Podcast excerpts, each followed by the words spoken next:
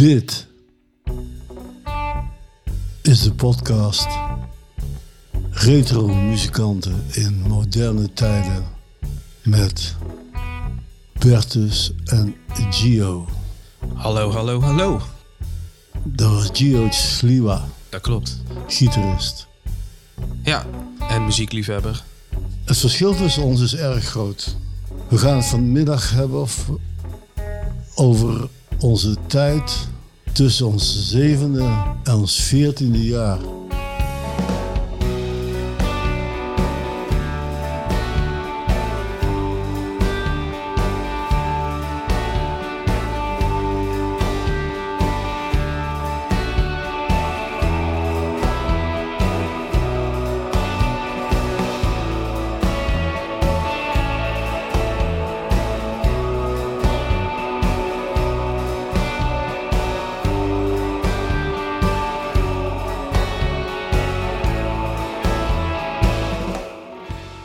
Toen ik zeven was, toen kwam ik op de lagere school terecht in Veldhoven.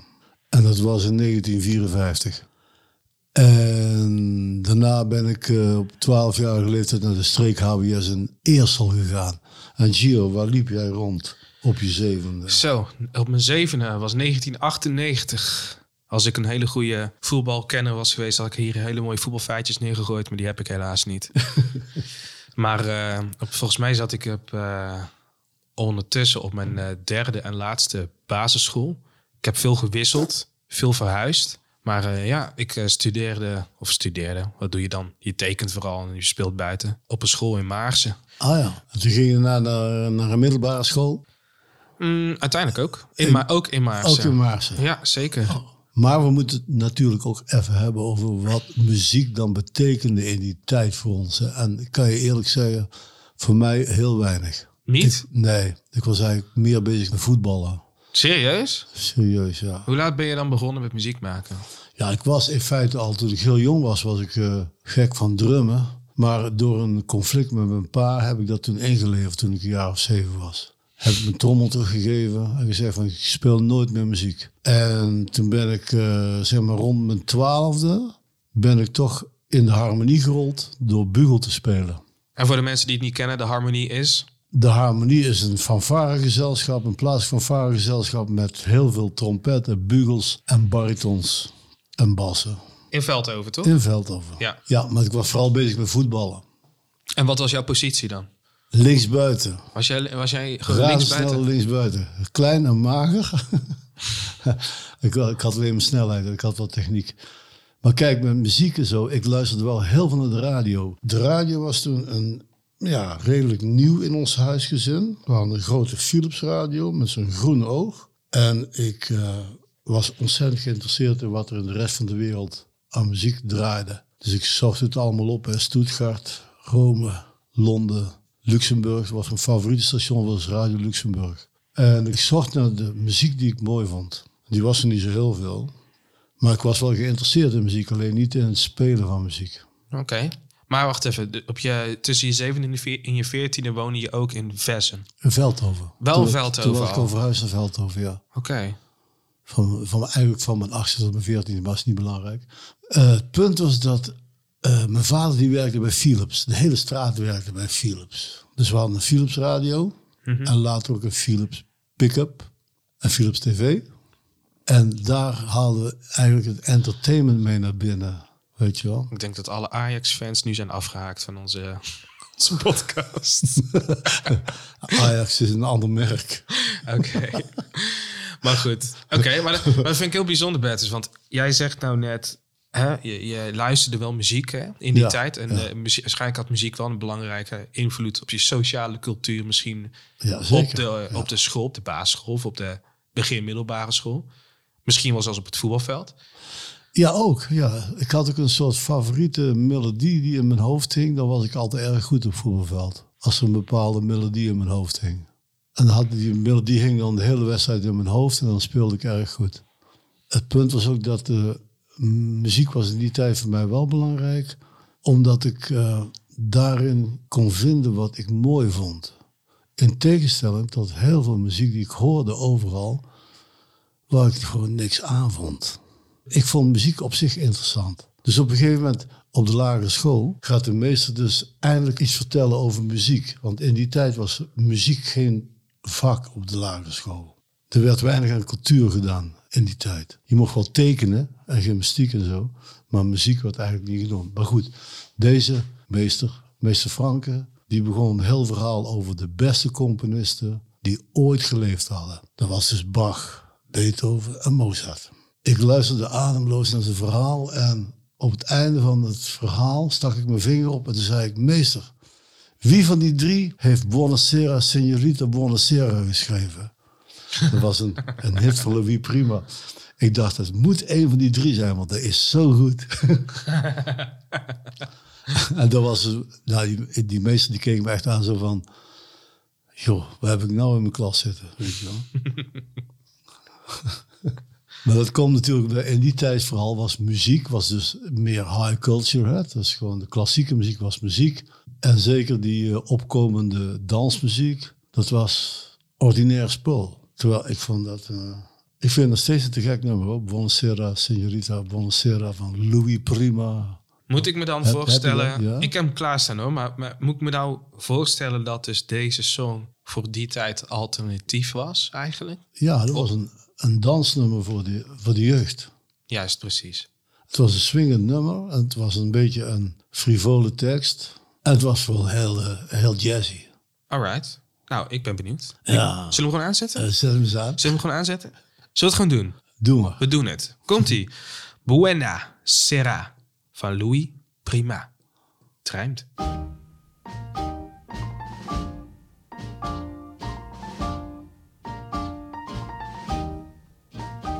Buonasera, signorina, buonasera. It is time to say goodnight to Napoli.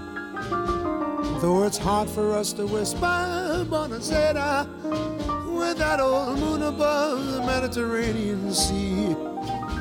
In the morning, Senorita will go walking where the mountains help the sun come into sight. And by the little jewelry shop, we'll stop and linger while I buy a wedding ring for your finger. In the meantime, let me tell you that I love you. Buonasera, Senorita, kiss me goodnight. Buonasera, Senorita. Kiss me goodnight, but do that, do that, do that, but bon, body, bon, but do the bad, do bon, buonasera, Senorita, buonasera. It is time to say goodnight to Napoli.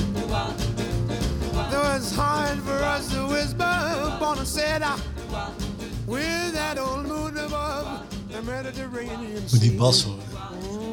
Die hoor je bijna niet. Ja, die tempowisseling is ook heel interessant. Ja, die is geweldig. Was dit ook je overwinningsdans als je gescoord had? Hm? Was het ook je overwinningsdans? Als nee, je nee, nee, nee. Uh, het waren meestal instrumentale melodieën die in mijn hoofd hingen.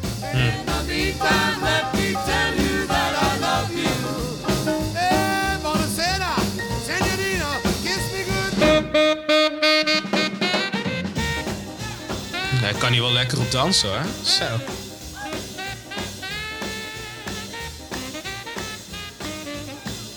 Ja, die dingen werden gewoon in één keer opgenomen. Je hoort op een gegeven moment ook als die sax inzet, dan is hij te hard en dan wordt die technicus die trekt meteen die microfoon weer terug. Dat hoor ik nou, hè. dat hoor ik destijds niet natuurlijk. Van destijds vond ik alleen maar dat het mooi was. Mm -hmm.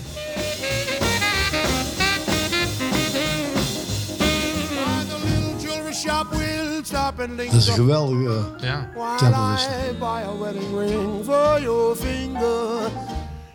Tempowisseling. In the meantime, let me tell you that I love you. Buonasera, senorita, kiss me goodnight. Buonasera, senorita, kiss me goodnight. Mm, Sera, senorita, kiss me goodnight.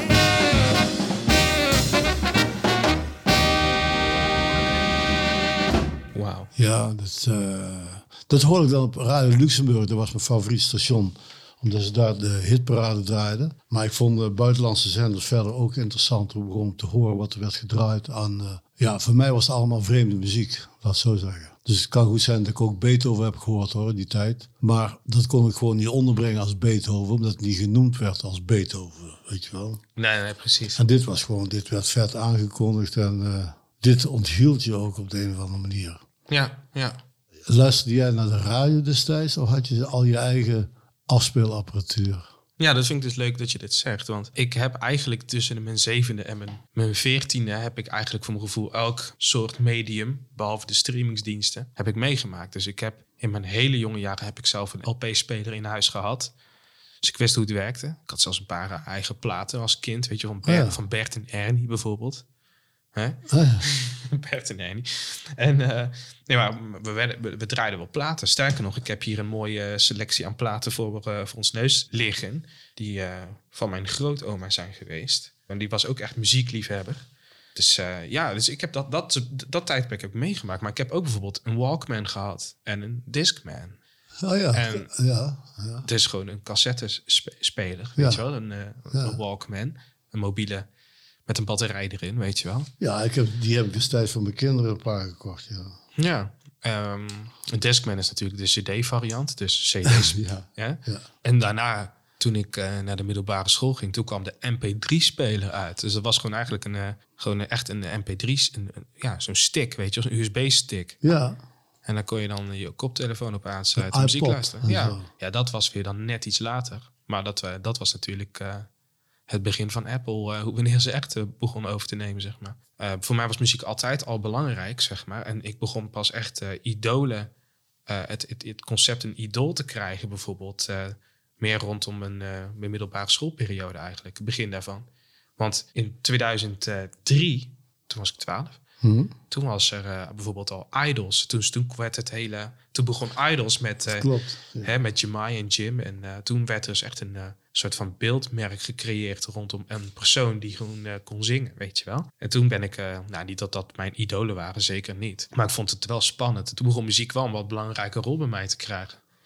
Ja, maar ook, het, misschien ook wel het feit dat je dus uh, een sterker worden via een snelle weg of zo. Dat dat voor, zeker als je 12 bent, dat het heel aantrekkelijk is. Ja, ja zeker. Zeker. Ja. Nou, we hebben bijvoorbeeld een van de dingen waar ik op een gegeven moment op de middelbare school wat heel, heel erg heel erg, of, uh, of de, eigenlijk de eindbasisschoolperiode nog voor mij heel belangrijk nummer was, was toevallig van een uh, zangeres, Christina Aguilera. Ken je die? Ja.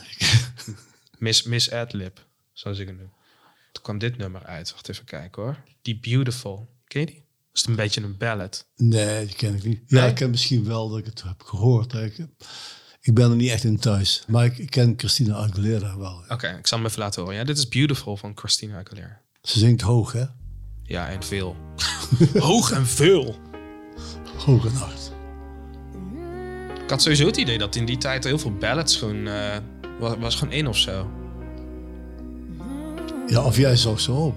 Of zo, ja, precies. was gewoon een zwoele guy.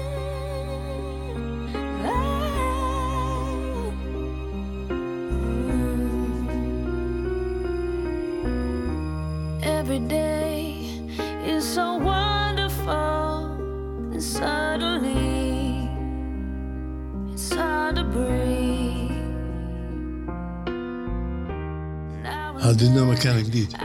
Niet? nee, vind ik wel goed. Heel muzikaal, heel sterk. Ah, mooi. Oh ja, dat ken ik wel. Deze zin ken ik.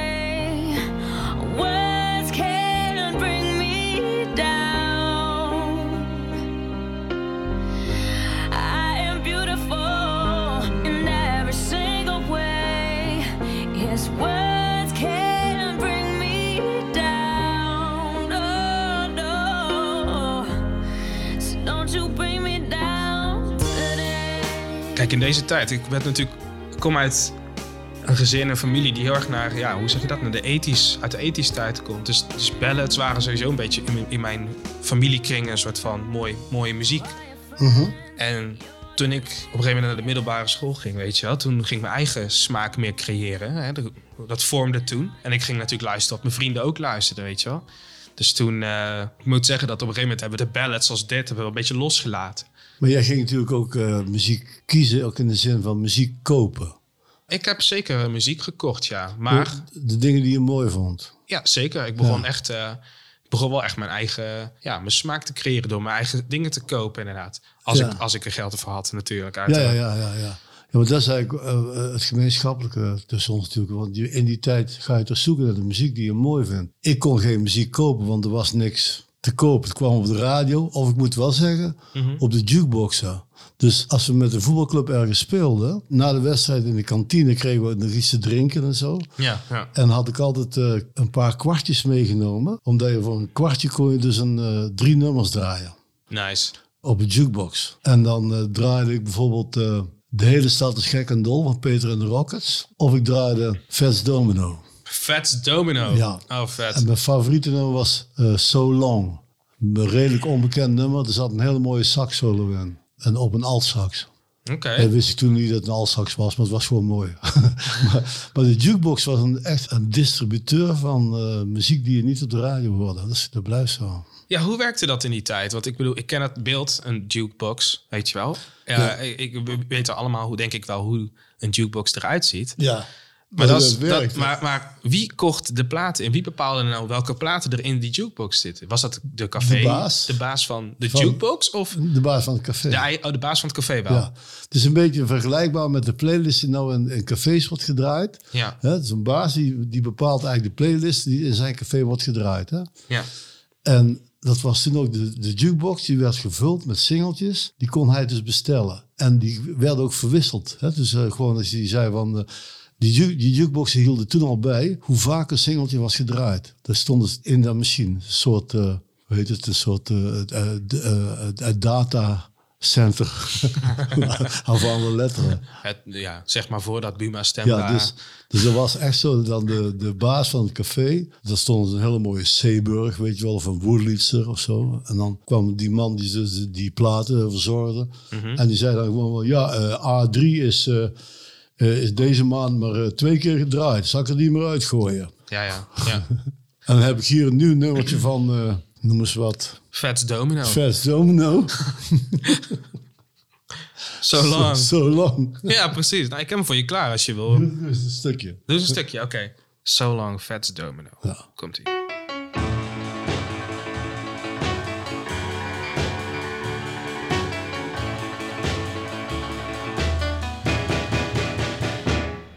So long. Don't know where I'm going, but so long. You know you done me wrong, so long. Because I know I'm all gone. Goodbye. Please tell me why. Goodbye. Make me cry. Oh, why? Why you never satisfied?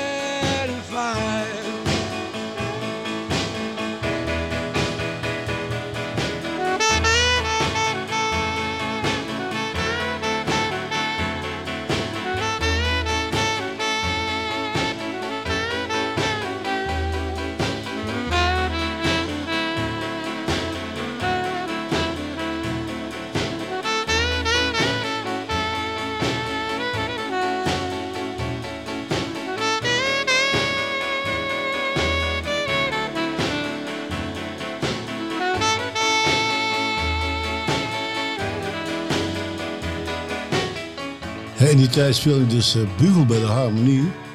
Maar ik kan wel zeggen dat deze sax solo is toch wel belangrijk geweest voor mij om later voor een sax te kiezen. Ja? Ja, dus vond ik een, eh, gewoon eh, heel mooi, sax solo. En in feite kocht ik toen dus wel die muziek, want ik nam kwartjes mee om dus muziek te kunnen draaien. Ja. Eenmalig in feite. Want bijvoorbeeld jij hebt inderdaad al die verschillende opslagmedia meege- meegemaakt. Ja, ja. En dat is wel heel apart, ja. Want ik weet nog wel dat toen de cd kwam, toen dacht iedereen... dit is het beste, dit is het einde. Het wordt nooit meer beter. De cd blijft. Vinyl gaat altijd weg. Het rare is dat cd is eigenlijk het opslagmedium geworden wat het kortste heeft bestaan, joh. Het was weg voor je het wist.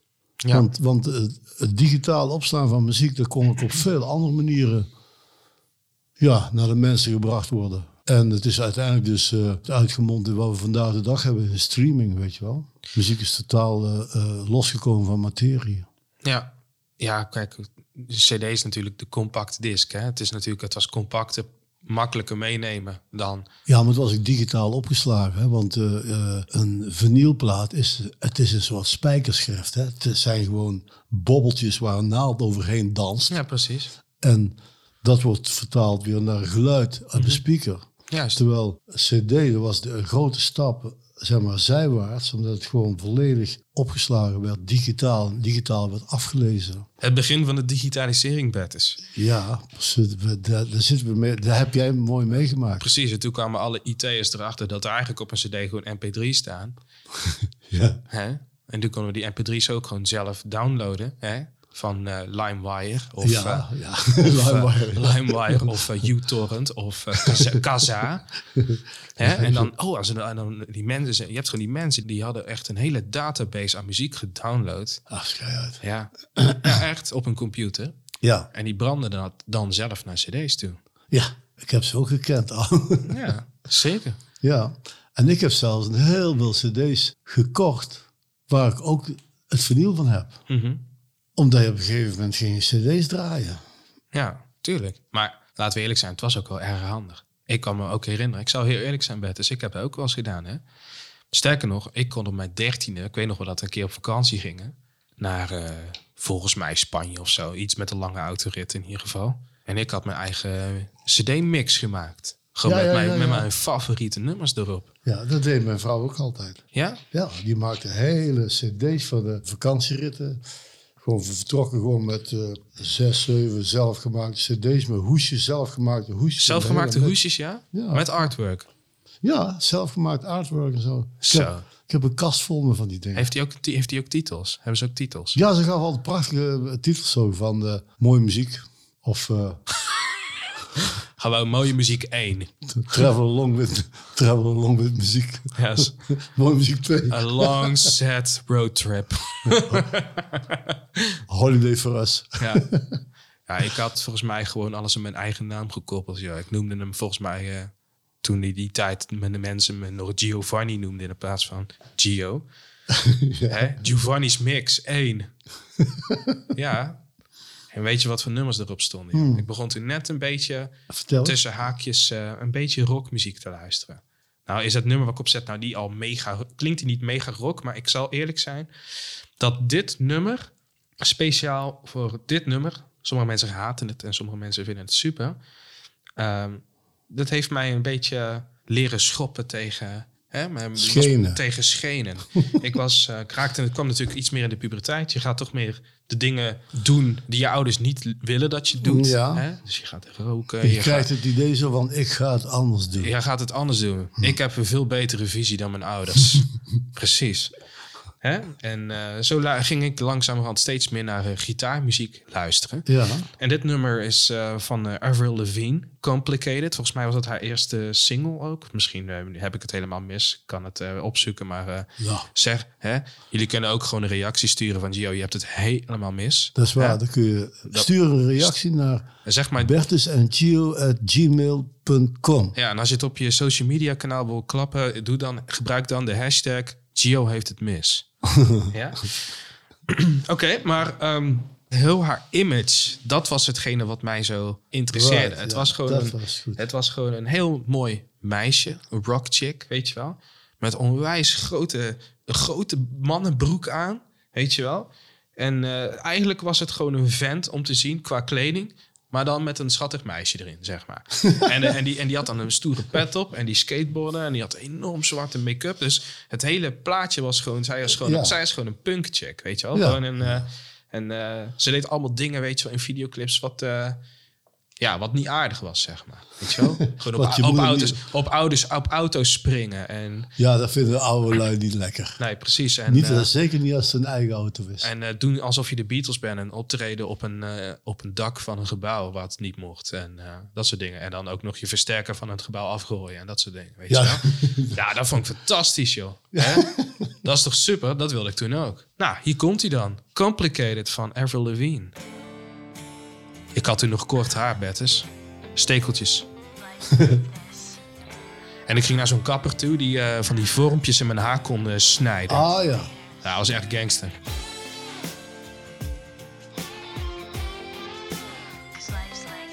Toen ging ik ook skateboarden. Ineens wil ik skateboarden, Tony Hawk Pro Skater spelen op de computer. Van welk jaar is dit? 2002 dacht ik. Even kijken.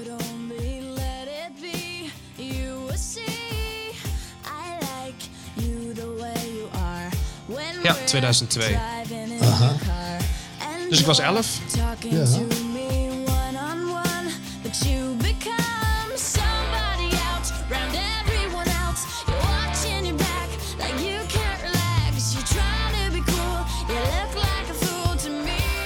Wist je dat er nu eh, geruchten zijn dat zij, eh, dat zij al lang dood is? Of eh, dat ze een imposter heeft? Ja, net als Elvis. Ja, ja, precies. Ja, maar dit gaat ver, hè? Als je ook de concerten van... ik weet echt niet precies de details... maar als je de concerten van vroeger bekijkt met die van vijf jaar geleden of zo... Ja? dan speelt ze ook... Dan is ook... eh, de nummers die ze speelt, die zijn ook echt iets van een, een kwart of een kwint. Dus eh, een aantal- heel fl- flink wat tonen omhoog getuned. Omhoog. Omhoog getuned. Dus meestal is dat fysiek gezien niet mogelijk. Nee. Om, om, Nee, dat klopt. Want ik, ik heb dus eh, nummers uit mijn repertoire van uit de 70 jaren. Die heb ik gewoon een kwart naar beneden gebracht. Omdat ik dat hoge zingen, dat, dat trek ik gewoon niet meer, weet je wel. Ja, ja, precies. Ah, er zijn heel veel van die theorieën hierover.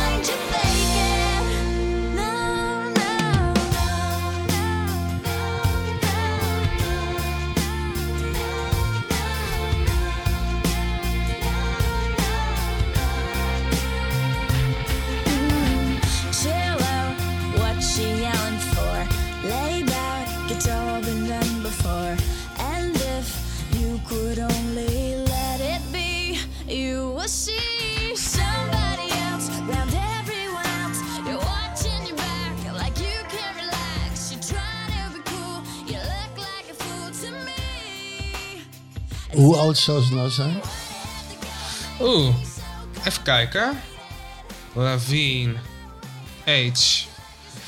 36 is ze nu. Ah, dat is jong. Maar ligt eraan welke je bedoelt. De, de, de levende of de imposter, weet je wel? Dat is die ene die geboren is. Ja, er zijn gewoon een aantal theorieën. En dat is natuurlijk altijd maar speculeren natuurlijk. Hè? Maar één daarvan is bijvoorbeeld dat zij eh, vroeger, toen ze echt eh, be- bekend werd met deze plaat, met die Let Go... dat dat dan de echte Avril was. En die was eigenlijk altijd een beetje in zichzelf. Helemaal niet zo aanwezig en zo Echt all over the ja. place. Maar die was juist heel ingetogen. Meer op zichzelf. En die deed wel stomme dingen. Maar die was meer... Die was helemaal niet zo eh aandachtsgeil, zeg maar. Om het zo te noemen. En een paar jaar later ineens wel. Had ze ineens een hele nieuwe look, weet je wel. Was het ineens van... Die skatergirl was het natuurlijk. En dat kan natuurlijk allemaal concept zijn natuurlijk. Hè? Ja, of En- drugs. Ja, of, of heel veel drugs. Op een gegeven moment was ze helemaal een metamorfose, weet je wel. Qua, qua looks. Of een goede psychiater. Of een goede psychiater, precies. En ze was in één keer all over the place. En, Of ze heeft zelf eh, het licht gezien. en dat ook. En, en de nummers waren natuurlijk gelijk een aantal tonen omhoog geschroefd. Ja, ja, ja. En eh, er zijn gewoon heel veel van dat soort theorie erover bij. Maar, eh, maar goed, de Elvis had dit dus ook, zei jij. Elvis, nee, El- Elvis heeft, ja, er zijn heel veel theorieën over Elvis. Dat hij wel leeft, dat hij onlangs nog gezien is. Weet je wel, dat hij nooit de building heeft verlaten. ja. Dat hij toch de peanut butter jelly time heeft overleefd. ja, ja. Maar, maar dit, dit is wel bijvoorbeeld het, wat wel typisch is. Dat, eh, eh, toen was jij elf en toen ik elf was, toen was er geen, voor mij nog geen enkele drang om eh, mezelf te identificeren. Weet je wat, was gewoon, je ging gewoon mee bij wat er gaande was. Je ging bij de voetbalclub, je schreef je in voor een eh, wedstrijd, links, hardlopen, weet ik veel. En op een gegeven moment kreeg ik een bugel van de harmonie. Nou ja, ik leerde wat noten lezen. Ik ging maar gewoon mee met alles. Dat kwam bij mij echt veel later, toen ik een jaar of 15, 16 was. Toen ik echt sax begon te spelen en in een bandje ging spelen. Toen kreeg ik pas het idee zo van, ja wacht eens even. Ik eh, doe dit en dit met mijn haar.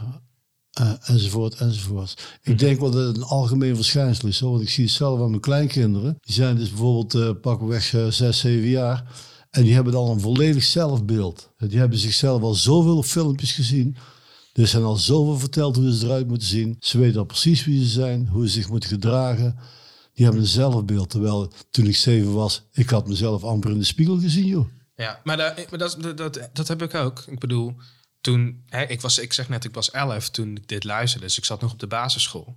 Ja, Waarschijnlijk groep 7 of groep 8 of zo. ja groep 8. denk ik, En ja. het was natuurlijk dat ik, ik zag dit en ik vond het gewoon, ik vond het ruig om te zien, maar ik was nog niet gelijk een punker of zo. Ik was helemaal niet. eh, gelijk, ik was trok- nog, ik trok je wel ik zo vond, van, ik eh, vond het interessant, weet je wel. Ik vond Ja. het gewoon van de, dat, eh, dat leven staat zo ver buiten mijn leven, want ik ben natuurlijk in een nette wijk in Maarsen opgegroeid. eh, Ja, maar jij dacht natuurlijk van, hé, hey, dit kan ook. ja, ik, dit, maar dit kan ook, precies. Ja. Dus, maar ik, ik was toen nog vrij, hè, gewoon een normalo, vond ik zelf altijd. Ik was toen nog heel erg eh, niet... dat, is zelf, niet- hey, dat is een zelfbeeld, hè? dat is het zelfbeeld die ik had. Ja, Ja, gewoon ja. van een, een normale guy die nog niet weet eh, wat hij precies wil in het leven, weet je wel. Ja. En toen ik naar de middelbare school ging, dus eh 12 of 13 denk ik. Toen kwam natuurlijk echt het beeld van wow, dat je jezelf echt... eh, bij mij in ieder geval, hè, kwam, eh, kwam echt eh, de zoektocht naar wie ik ben als persoon. Je moet ineens...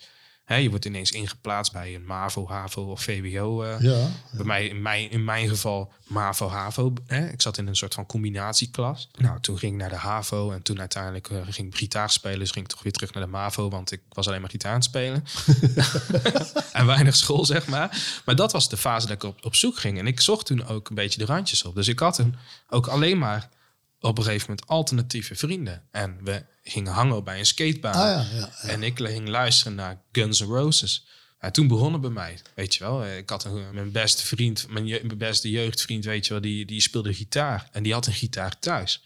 En die nodigde me man, eh, weet je, we ging, die tijd ging nog, daar had je geen leven na school. Dus je ging gewoon, eh, ja, je moest officieel huiswerk maken. Maar ja, hoe, Maar wie deed dat? D- Daar vraag me eens af. Hè. Kijk, bijvoorbeeld, ik ben opgegroeid gewoon, zeg maar gewoon als witte jongen in een wit dorp. Hè. Mhm. Eh, jij bent opgegroeid als bruine jongen In een wit dorp. in een wit dorp. Dus dat hebben we gemeen. Dat is onze brug vandaag. we woonden allebei in een, in een wit dorp. Het, e- het enige wat mij onderscheidde van de rest was dat ik rood haar en heel veel sproeten had. Toen- toen- Daar werd ik wel om uitgescholden, maar verder nergens om. maar maar eh, had je toen met de keuze van, van met wie je omging, had je daar ook al mee te maken dan toen? Dus in welke groep dat je viel, weet je wel? Kijk, ik viel gewoon in de, min of meer al snel in die groep van de, ja, voetballende jongens die toch wel, ik was een beetje brutaal, weet je wel. En ik, eh, ik was, ik meen dan, ondeugend, Ja, weet je wel. Ik deed dingen waar ik echt straf voor kreeg. ja, ja, precies. Verder was het geen scheiding op die manier. De enige scheiding die in mijn dorp was, is wat het, dat, dat de protestanten waren. Die dus op, op, in plaats van katholieken, wij waren katholieken en die protestanten die deugden niet. Ja, oké. Oh, wauw. Dat was, het was echt zo, die sloeg je af. Ja? Ja. Oké, wauw. Nee, dat, Nou, eh, dat had, ik had moet, ik moet niet. bekennen, het is- was een beetje Belfast. Beetje Belfast. Nee, nee, dat, sorry, dat had ik niet. Ik had wel in die tijd een bepaalde groep met wie ik altijd hing. Dus ja, Ja. dus ik had wel een soort van eh, clubje. En dat werd een hele hechte club. Maar ik ben ook vrij sociaal ingesteld. Dus ik kan, Ja. ik kan eigenlijk wel met iedereen overweg. Ja. Maar ik vermeed wel altijd een beetje de, ja, de tussen haakjes stoere jongens. Want ik vond altijd dat ze zichzelf vooral heel stoer vonden. En ik, sloeg, ik vond het eigenlijk nergens op slaan. ja, nee, maar dat boeide, dat boeide me ook echt niet. Weet je, die, die waren vooral gewoon stoer om, doordat ze dan zeg maar andere mensen omlaag praten. Ja, weet maar je die- wel? ze kunnen eigenlijk Maar niks. ze kunnen eigenlijk helemaal niks. Ja, daar, daar heb ik ook altijd een hekel aan gehad. Ja. Gasten die alleen maar, zeg maar, eh, later ook, mensen die alleen maar veel bier kunnen zuipen en verder niks. Daar heb je niks aan. Nee, nee, precies. Dat vond ik gewoon, eh, dat vond ik gewoon stom. En ik vond dat trouwens ook heel erg onintelligent. Ja, dat klopt. Ja, weet je, Maar- ik had, ik had bijvoorbeeld, eh, je zegt net, ik, ben, eh, ik was een bruin jongen in een wit dorp. Ik had wel een paar gasten die, eh, ik, toen vooral toen ik net in middelbare school zat en ik ging mijn haar een beetje laten groeien en ik ging gitaar spelen. En ik had altijd een paar gasten. Niemand heeft me ooit echt lastig gevallen, hè? maar een paar gasten die noemden me dan ook echt zo: hey, hey, eh, Bob Marley. Terwijl ik echt dan, Ja, dat, dan- ja, nou, echt als ik, ik, ik ben niet snel eh, gediscrimineerd of zo. Maar toen dacht ik echt van, maar ik lijk niet eens op die gast, dude. Hè? Heb ik, heb ik dreads? Nee. Nee. Weet je wel? Nee, dat, was, dat was gewoon een hele botte Het was gewoon een, een bol constatering. Maar het, maar het grappige is dat diezelfde jongen, de, een week later kwam ik hem weer tegen. En dan roept hij weer iets anders. Hey, Lenny Kravitz. Toen dacht ik echt van, dude. Echt waar? ik zei er maar niks van. Ik zei van, ja, ik ga er maar gewoon in mee, weet je wel. Ik zei van, ja, ha, leuk man, grappig. ha, Ja, ha, ha. ja wat, kun je, wat moet je zeggen? Ja, je, super. hebt, je hebt weer gelijk. Je hebt weer gelijk. Wat een intelligente opmerking. Echt super. En daarna was het Slash en ja. Slash en Prince. En Ja, echt, die ja, gast die maakt... Nou, ik was eigenlijk op een gegeven moment eerder onder de indruk... dat hij gewoon al die artiesten kende. dus op een gegeven moment... dacht ik wel... Want dat leek me niet het type die dat al die muziek kende, ook, weet je wel. Maar hij was gewoon, eh, was gewoon zo'n gast die alleen maar dan hard roept en weinig doet. Ja. En dan eigenlijk gewoon op het schoolplein zit te blowen stiekem, weet je wel. Ja, dat, dat soort dingen maakte ik dan mee. Hey, maar, maar bijvoorbeeld die, eh, die vriendengroep die je had, hè, wat was nou, was de skaten was natuurlijk een, een, een, een bindende factor. Zeker, ja. Ja, dat was een hele binnende En, factor. en dan ook dus de skate eh, ook als eh, muziekstijl. ja, zo kan je het zien. Dus bij skaten hoort wel eh, Ja, meestal eh, scheurende gitaren, zeg maar. Ja, maar ook die, die typische bands, weet je wel. Ja, als je kijkt naar bijvoorbeeld Blink-182 en Green Day en Ja, Sum 41. Al die ja, pop-punk, punk, punk muziek. sick of it all. Sick of it all. Sick of it all. Precies. Al, die, al, die, al die metal bands. Ja, Ja, mijn, nee, mijn, dat- mijn dochter is ooit zwaar gewond thuisgekomen na een concert van Sick of it all. Zwaar gewond thuisgekomen. Ja, met, met een eh, flinke rugblessure en een gat in haar hoofd en al die mikmak. Stage diven en niemand had erop gevangen. Oh, ja. Dat, dat- ja. Nou, dat zegt denk ik meer over All dan over je dochter, denk ik. Dat betekent dat er niet genoeg publiek, want het eh, niet genoeg publiek was. Slechte Om te, kaart. om, om te diven. Ja. Niet, genoeg, niet genoeg water in het zwembad. Ja, precies. Nee, maar, maar eh, zeker bij die skatecultuur hoort wel bepaalde muziek. En, Ja, klopt. Maar, maar ik, ik was gewoon het al heel snel op de middelbare school toen ik met die skategroep hing. Mhm. Toen begon ik ook een beetje met, eh, hè, met, al, met eh, mijn liefde voor eh, gitaar. Waarvan ik dit onderwerp vooral wil laten liggen nu nog. Want daar gaan we het de volgende week... de volgende keer, de volgende gaan, week over voor de volgende keer gaan we het daarover hebben. Maar het punt is wel eens van... ik ging luisteren naar... ja, ik zal de bel vast gebruiken. ja, ja, Bertus wilde de bel pakken. Maar dit Ja. is, het is, het is, het is mijn moment, moment, jongens. The Ring for eh, Gin. Ring for Gin. En het woord is aan Gio. Alright, nou goed. In die tijd, wat ik echt onwijs gaaf vond... Guns N' Roses. Ah, Slash. Nou, Ja. toen ik die videoclip zag, joh, ik dacht van nou, toen was ik echt om. Dat was echt super. Wat een tijden. maar hoe oud was je toen? Ja, toen was ik, Ja, denk ik, wel, 14 zo toen was ik denk ik wel 14 jaar. Ja, ja. ja, nou, dat is een breekpunt. Dat was leven. echt een breekpunt. Toen begon echt muziek onderdeel te zijn van mijn identiteit. Ging mijn kleding uitkiezen. Ja, toen wilde ik ook zo'n eh latex broekjes en... eh, Toen begon speelde- gewoon te slashen. Precies, toen begon ik gewoon te slashen. Dus ik zet hem maar gewoon op. Jullie kennen dat nummer natuurlijk wel. Het is gewoon de track van Guns N' Roses natuurlijk. Toen ze, waarmee ze volgens mij het, ja, een van hun grootste hits. Sweet Child O' Mine. Ja, zet op. Zet op, jullie kennen hem al. We mogen er doorheen praten, toch? Ja joh, tuurlijk. Iedereen kent het toch al. Ik bedoel, eh, Het is wel een beetje zo eh, een comedy in het worden, zoals nou eh, eh, met het terugkomen en zo, weet je wel. Je bedoelt, dat wij, zijn wij een comedy act aan het worden? Nee, Guns N' Roses. Oh, comedy. Oh ja. Ja, precies. Maar dat is toch alleen maar... Dat, was, dat is een sick marketingplan, jongen. Hè? We stoppen, dan, eh, worden we, dan wordt het een soort legendarisch iets. Ja. En dan, ja, we hebben weer geld nodig. Ah, dan, eh, laten, we, laten toch weer even... ja. Hè? Ja, ze zeggen dat ik dood ben. Ik zal ze even laten zien dat we nou niet dood zijn. Precies. Even. Maar dit, dit, dit is goed. Dit is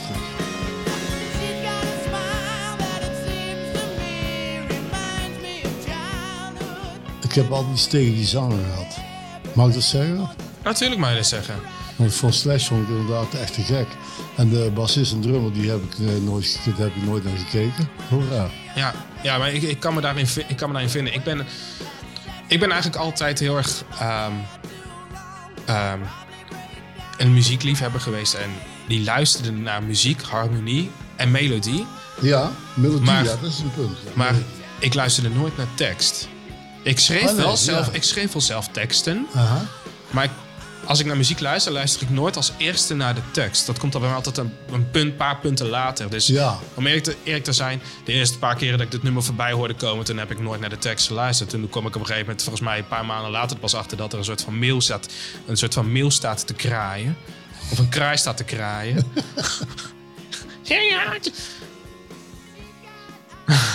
Maar hij, volgens mij, ik vraag me af of dit nog steeds kan ook gewoon.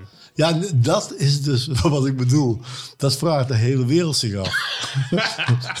maar dus omdat ze zich het afvragen, verkopen ze wel een Goffertstadion uit. Ja. Hey, en hij speelde gewoon in een kilt, hè? Die zanger. Ah, ja. ja. die had gewoon zo'n eh, zo'n Schotse Schotse... kilt? Ja, precies. Ja, ik denk wel dat hij een onderbroek aan had. Tenminste, ik hoop van wel. Dat is ook een andere vraag, wat iedereen bezighoudt. Hebben die Schotten überhaupt wel onderbroeken? Ja, officieel niet, toch? Ze houden het graag Maar, geheim. maar ik denk als je op een podium staat met een rok, dat... Nou ja, tenzij je er echt op kikt dat iedereen je zaakje kan zien, dan super. Ja, je hebt een doedelzak of je hebt geen doedelzak. Precies. Maar ja, Eigenlijk klinkt hij ook een beetje als een doedelzak. ja maar het raar is, hij zingt wel goede, strakke melodieën. Zo. Hey, het zijn allemaal goede nummers. Ja, zijn ja, echt, ja. Als je dit gewoon, als je gewoon heel die band weg zou denken, je zou er gewoon een- met een akoestisch gitaartje of een piano dit nummer spelen, dan blijft het gewoon overeind staan. Het is wel raar, wat je net zei, dus rond je veertiende komt dus dan zoiets binnen waarvan je zegt van, shit, dit, dit deze kant gaat op. Ja. Daar had ik dus met een, eh, een feestavond van de Harmonie in Veldhoven. Toen trad er dus een, eh, een Indo-rock bandje op. En toen heb ik mijn lidmaatschap op de Harmonie opgezegd meteen. En toen dacht ik, ja, dit ga ik doen. Dus een Indo-rock bandje. Dat was zo anders dan al dat ge boerenkapelmuziek en zo, weet je wel. Eh, eh, ja, prachtige gitaren, goed in het pak. Vlotte jongens, swingende muziek. Alles was gewoon, had vaart, leven. Ik wist meteen, dit ga ik doen. Ja, ja. En het was Indie-rock was toen, eh, het rare was dat er heel weinig van is vastgelegd. Ja? Van, wel van de Tielman Brothers en zo. Maar ehm, er waren verschillende, in- dit was een Indie-rock band uit, eh, ik dacht uit een bos. De Jumping Tigers of zo heette ze, weet je wel, van dat soort dingen. ja, ja. En eh, dat was eh, voor mij echt, ja, gewoon, ik zag het en ik wist meteen van, dit, dit wil ik gewoon doen. Als ik, eh, rond die tijd gebeurt dat, weet je wel. Dat is altijd erg belangrijk. En volgens mij is het ook heel belangrijk dat je voor jezelf beseft van, toen heb ik iets gezien wat gewoon mijn leven toch veranderde. Ja, grappig hè? Nou ja, dat is het, Hoe oud was je toen? elke jaar 14. Ja. Dus dat hebben we gemeen. Dat, is- dat, Dat- is weer de brug. dat- Waar we- rond je veertiende. Dan, ja, ergens rond die tijd dan gebeurt er in één keer komt er toch iets in je leven wat je herkent als, deze kant wil ik op. Ja, ja. Weet je wel? En dan is het alleen aan jou om ervoor te kiezen of niet. Ja, bij, bij mij was denk ik ook wel dat ik me gewoon niet kon identificeren bij de populaire mensen, zeg maar. Als in de, niet zozeer de populaire, maar gewoon de, eigenlijk de popmuziek van die tijd of zo. Bijvoorbeeld die pestende normale jongens waar we het net over hadden, weet je wel? Ja. Dat vond ik gewoon hele normale, saaie gasten, weet je wel? Terwijl ik vond bijvoorbeeld zo... eh, die alternatievelingen hadden, een- hadden tenminste voor mijn gevoel een verhaal, weet je wel? Die hadden Ja. gewoon... eh, die maakten iets mee of zo. Of, Ja, die, zoeken, die zoeken, of die zoeken iets om mee te maken. Ja. Dat kan natuurlijk ook. Ja. En dat vond ik gewoon interessant. Ik wilde, ik wilde, ik zocht meer uit het leven dan alleen maar een beetje naar school gaan. En Ja, misschien is dat ook wel. De soort eh, eh, dat je één keer denkt van... Mijn leven mag niet saai worden. precies. Maar daar blijf ik gewoon volhouden hoor. Mijn leven mag niet saai worden. Nee? Nee, Oké. dat belooft. nou ja, Ja, maar er wat een gebeurt nummers. genoeg ellende om het eh, aan de gang te houden, laat het zo zeggen. Ja, precies. Ja. Maar ehm, eh, het rare is natuurlijk wel dat je dan eigenlijk voor de eerste keer ook iets ziet waar je denkt van, dat kan ik ook. Weet je wel, daar had ik, daar had ik echt zo van, ik wist niet hoe, maar op de een of andere manier dit soort muziek maken, dat wil ik. Dus waarom zou ik het niet kunnen? Nee, precies. Maar dat is toch het mooie ervan. Ik bedoel, Ja. eigenlijk hoort dit nog er wel bij, weet je wel. Maar ik was, toen ik dus deze muziek ook luisterde, weet je wel. Toen, ik was zo, ik was op een gegeven moment zo op, geobsedeerd, weet je wel. Ja. Door muziek. Dat ik ook gewoon die mensen onbewust om me heen zocht, weet je wel. De, de alternatieve dingen, die ook Ja. diezelfde passie deelden. Je had ineens dat, dat proces van dat je ergens bij gaat horen. Dat ging voor mij heel natuurlijk toen. Ja, maar je, je ging je horen bij de mensen die ook op zoek waren naar iets Precies. wat er nog niet was. Precies. En dan had ik toevallig één goede maat die ik leerde kennen op de skatebaan. Of en wie met wie ik later ook nog de middelbare school had gezeten. En die had thuis een gitaar. Een Epiphone SG, om precies te zijn. Dat is een mooie Zo gitaar, toch? Super, een, zwarte gitaar, ja. Ja. En ik eh, weet nog wel dat ik gewoon meerdere, meerdere avonden of middagen met hem ging chillen. En we gingen gitaar spelen. En hij had een gitaar en hij ging mij dingen leren, weet je wel. Want jullie Hij- hadden thuis geen gitaar. Ik had toen nog niks. Ik had toen nog niks. Ik was toen eh 13, denk ik. 13. Ik had niks. Maar ik, hij had een gitaar thuis. Dus we gingen bij hem afspreken. En hij ging me gitaar leren spelen. Dus hij had een bas en een gitaar. En een versterker die... eh, hè, die, Zo, die, ja. die, die, die had hij van zijn vader. Want zijn vader heeft eh, in een eh, bandje gespeeld ooit. En nou, maar goed, hij leerde mij riffs van... bijvoorbeeld Smoke on the Water of zo, weet je wel. Of Ja, ja gewoon oké. weet je wel. En daar begon het een beetje bij mij bij. En het mooie ervan is, is, ik was toen zo geobsedeerd door muziek, dat... Ik eh, gooi de Ring for Gin gooi ik erin met een vraag. Oké, kom maar door. Heb je toen aan je moeder een gitaar gevraagd? Ja, Oh, ik wist het. maar let op, dit is het verhaal. Ik was dus zo geobsedeerd door gitaar spelen. Ik wilde dat. Ik vroeg aan mijn moeder, maar mag ik een gitaar? Ik wil een gitaar. Ik vind het zo gaaf. Dit wil ik. Dit wil ik doen met mijn leven, weet je wel? Wist het gewoon. En mijn moeder zei toen, en mijn vader zeiden van, nou, nee. nee. Ik was toen namelijk in een, in een fase van mijn leven dat ik heel veel dingen aan het proberen, uitproberen was. Want je bent begint te puberen, weet je wel. Ik zat op voetbal, ik zat op tennis, ik wilde skateboarden. Al die kleine dingetjes begon, begon ik aan en ik stopte er ook weer mee, weet je wel. En mijn ouders dachten, fair enough, dat het weer zo'n fase dingetje was. Ja. Weet je, dan koop je weer voor heel Dan komt hij weer iets. koopt hij weer iets, Ja. weet je wel, en dan laat hij het weer staan, weet je wel. Ja. En ik had natuurlijk, ja, laat ik eerlijk zeggen, ondanks, ik ben opgegroeid natuurlijk in die Phoenixwijk, weet je wel, in Maarsen, maar ik heb natuurlijk eh, echt wel het geluk gehad dat ik heel veel dingen mag proberen in mijn jeugdige jaren van mijn ouders. Maar goed, anyway, dus ik eh, moest dus, eh, ik, ik, ik teleurgesteld, ging ik met de nee, ging ik naar boven, naar mijn kamer. En ik heb toen op een gegeven moment, ja, ik kon gewoon niet stoppen met denken over gitaarspelen. Dus ik had een elastiek gevonden.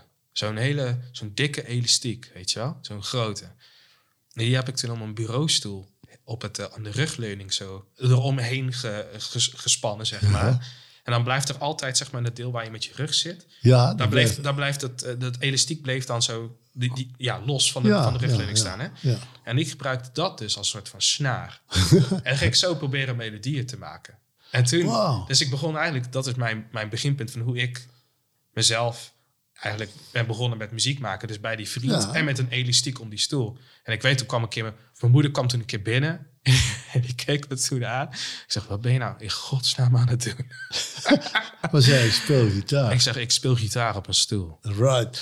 En Dat toen, en toen is- volgens mij vond ze dat zo goedkoop. Ja, nou. Zij van, oké, je krijgt een gitaar. Ja, ja. Oh, goed man. Ja, maar kijk eens. Dat is dus echt, dat is motivatie, hè? Ja, ik ben zelden zo voor iets gemotiveerd geweest Ja, in mijn leven dan ja. gitaar spelen. Nou, je hebt het zelf veroverd. En je hebt natuurlijk en passant ook gewoon de grondbeginselen geleerd van eh, dat de snaar eh, hoger, dat het hoger gaat klinken als de snaar korter worden. Precies, dat leerde ik toen al. Ja. Daarom, joh, smoke on the water, joh. Dat kan gewoon op één snaar. Dat kan, Op dat, een stoel. Dat kan, op- dat jij kan op een het stoel. op een stoel. Precies. Ik snap niet waarom ze nog een gitaar pakken. Ik zou het gewoon op een stoel doen. Ik heb ooit een eh, harmonie, heb ik Smoke on the Water horen spelen. Dat wordt zo raar, dan wordt de bokolderie zo... Pom, pom, pom, pom, pom, pom, pom, pom, pom, pom, pom. Tjoek, tjoek. maar Ja, man. eh, je- Maar je hebt net wel gebeld, eh, Bertus. Dus je hebt, eigenlijk ben je nog verplicht om een liedje te. Ja, maar ik, ik wilde eigenlijk bellen voor die ene vraag. Want ik schoot me te binnen. Want ik dacht, nou moet ik weten of dat je dat aan je moeder een gitaar hebt gevraagd. Maar dat vond ik al... eh, ik kan er wel een liedje noemen hoor. Maar ik wilde eigenlijk Tom Dooley noemen. Maar dat vind ik eigenlijk een flauw nummer. Ja. Fats Domino heb ik al gehad. Ik heb eigenlijk geen eh, wensen meer. Ja, misschien kun je iets zoeken van de Tielman Brothers. Misschien is het toch wel goed. Omdat. Indo-rock is toch iets wat eh, volledig ondergesneeuwd is in Nederland. Omdat er weinig opnamen van zijn. Van wie zei je? Tielman Brothers. Oh ja. Dit waren dus eh, Indonesische jongens, hè, die, meestal Javaanse jongens, die dus zeg maar in Nederland zijn terechtgekomen, omdat hun vader en moeder eh, Indonesië uit moesten met de capitulatie. En die gingen hier rock and roll spelen op een eigen manier. Wij schrokken ons dood. Dus, eh, later dan, hè. De, bijvoorbeeld, zij kochten dan een Fender. Hè? En dat was heel veel geld uit voor ons in die tijd. En ze leiden gewoon op de... Een gitaar Op- trouwens, voor de mensen die dat niet weten. Een Fender. Ja, Fender is een, een eeuwig durend merk van gitaren. En zij waren er niet echt zuinig op. In de zin van, ze waren er wel zuinig op, maar ze gingen er heel anders mee om. Ze leidden die Fender gewoon op de werkbank. En ze boorden gewoon gaten in de kop van de hals. En leidden er gewoon een paar extra snaren op. Was echt, eh, voor ons was dat... Ongekend. Ja, dat, dat deed je eigenlijk niet met gitaar, maar ze deden dat gewoon. Ja. En dan had zo'n ritmegitarist had dus een eigen geluid, omdat hij bepaalde snaren dubbelde. Oh, wat interessant. Ja, en ik heb, ik heb nog zo'n oude Jaguar, Fender Jaguar, waar daarmee gebeurd is. En dan kun je nog zien, die stoppen nog in. Van op de, die hebt eh, vijf extra snaren gehad, ooit. Serieus? Ja. Oh, dat heb ik nooit gezien aan die gitaar. Ja. Vet. Ik heb het hier voor mij, eh, de Tielman Brothers. Heb je een voorkeur van een song? Java Guitars. Ja, dat klinkt super. Java Guitars van de Tielman Brothers.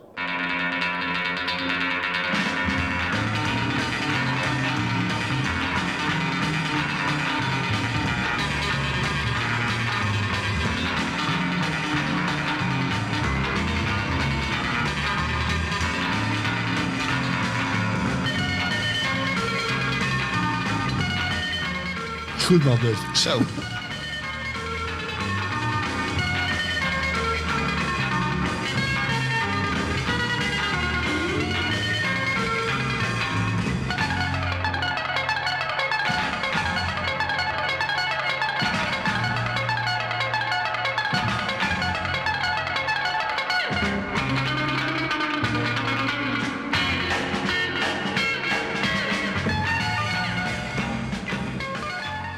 Gasten hadden een show, een live show.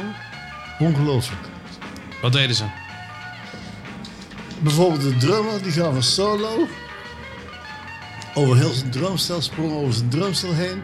Ging eh, verder op het gebit van de gitarist. Zo de bek open en zo, op de tanden. Nee! Ja, joh, echt. Ongelooflijk.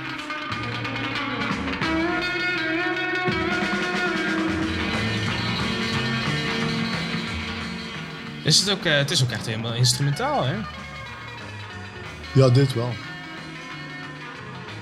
Andy, Andy Tielman, dat was de gi- solo-gitarist.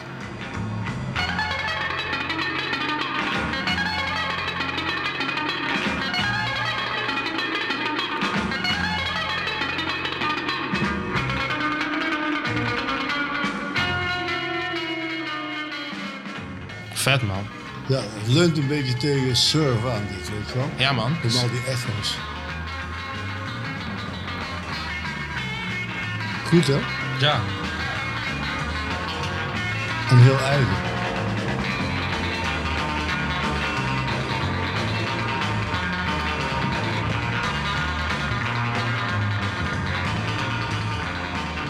Was dat ook... Nee, dat was, dit was toch al veel eerder voor de surfperiode? Eh, ja, ongeveer tegelijkertijd met de surfperiode. En eh, die er was eh, eh, vanuit Amerika met de Ventures en zo. De, de, Oh, ja. de Ventures. de Walk Don't Run, dat was het topnummer. Ja, ja, ja. Zo, man, oh man, oh man. hey, we hebben wel weer even goed gekletst. Ja, ik vergeet telkens te zeggen dat als iemand een opmerking heeft of een vraag, maak een voiceberichtje en stuur het naar En wie weet gaan wij er een keer op in. Precies, misschien behandelen we het wel in de volgende podcast. Ja, misschien word je wel min of meer gefeatured. En eh, volg ons ook online op alle kanalen. Op Ja. Instagram, Bets and Geo, Facebook, OnlyFans. Eh Ja. ja. En eh, Tinder. Onze, onze volgende aflevering die gaat over... Oh ja, onze eerste optredens het eerste bandje. Eerste kennismaking met andere muzikanten. En muzieksmaak gekoppeld aan je identiteit en modebeeld. Het gevoel van muzikant worden. Het begin van muzikantschap. Dat wordt interessant. Maar dat wordt de volgende keer. En de volgende keer is eh, de volgende keer. Wanneer is de volgende keer? De volgende Geen keer. idee. Maar de volgende keer. Zo, het moet nog komen. Dat moet nog komen. hey, lieve luisteraars, bedankt voor het luisteren. Inderdaad, zoals Bertus zei, mocht je tips hebben of iets anders, laat het ons weten. We hebben een eh, Spotify-lijstje die heet Bertus en Gio Retro Muzikanten in Moderne Tijden. Daar stoppen wij al onze muziek in, waar wij hebben behandeld in deze podcast. Zo is dat. Ik zou zeggen, iedereen geluk, ben een beetje aardig voor elkaar. En we besluiten met de klappen van de volledige jong retro band. Boom.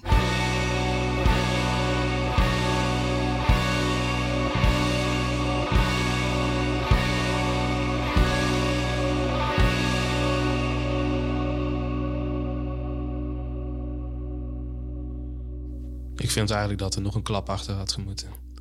Zet het maar achter. Oké. Oké, man.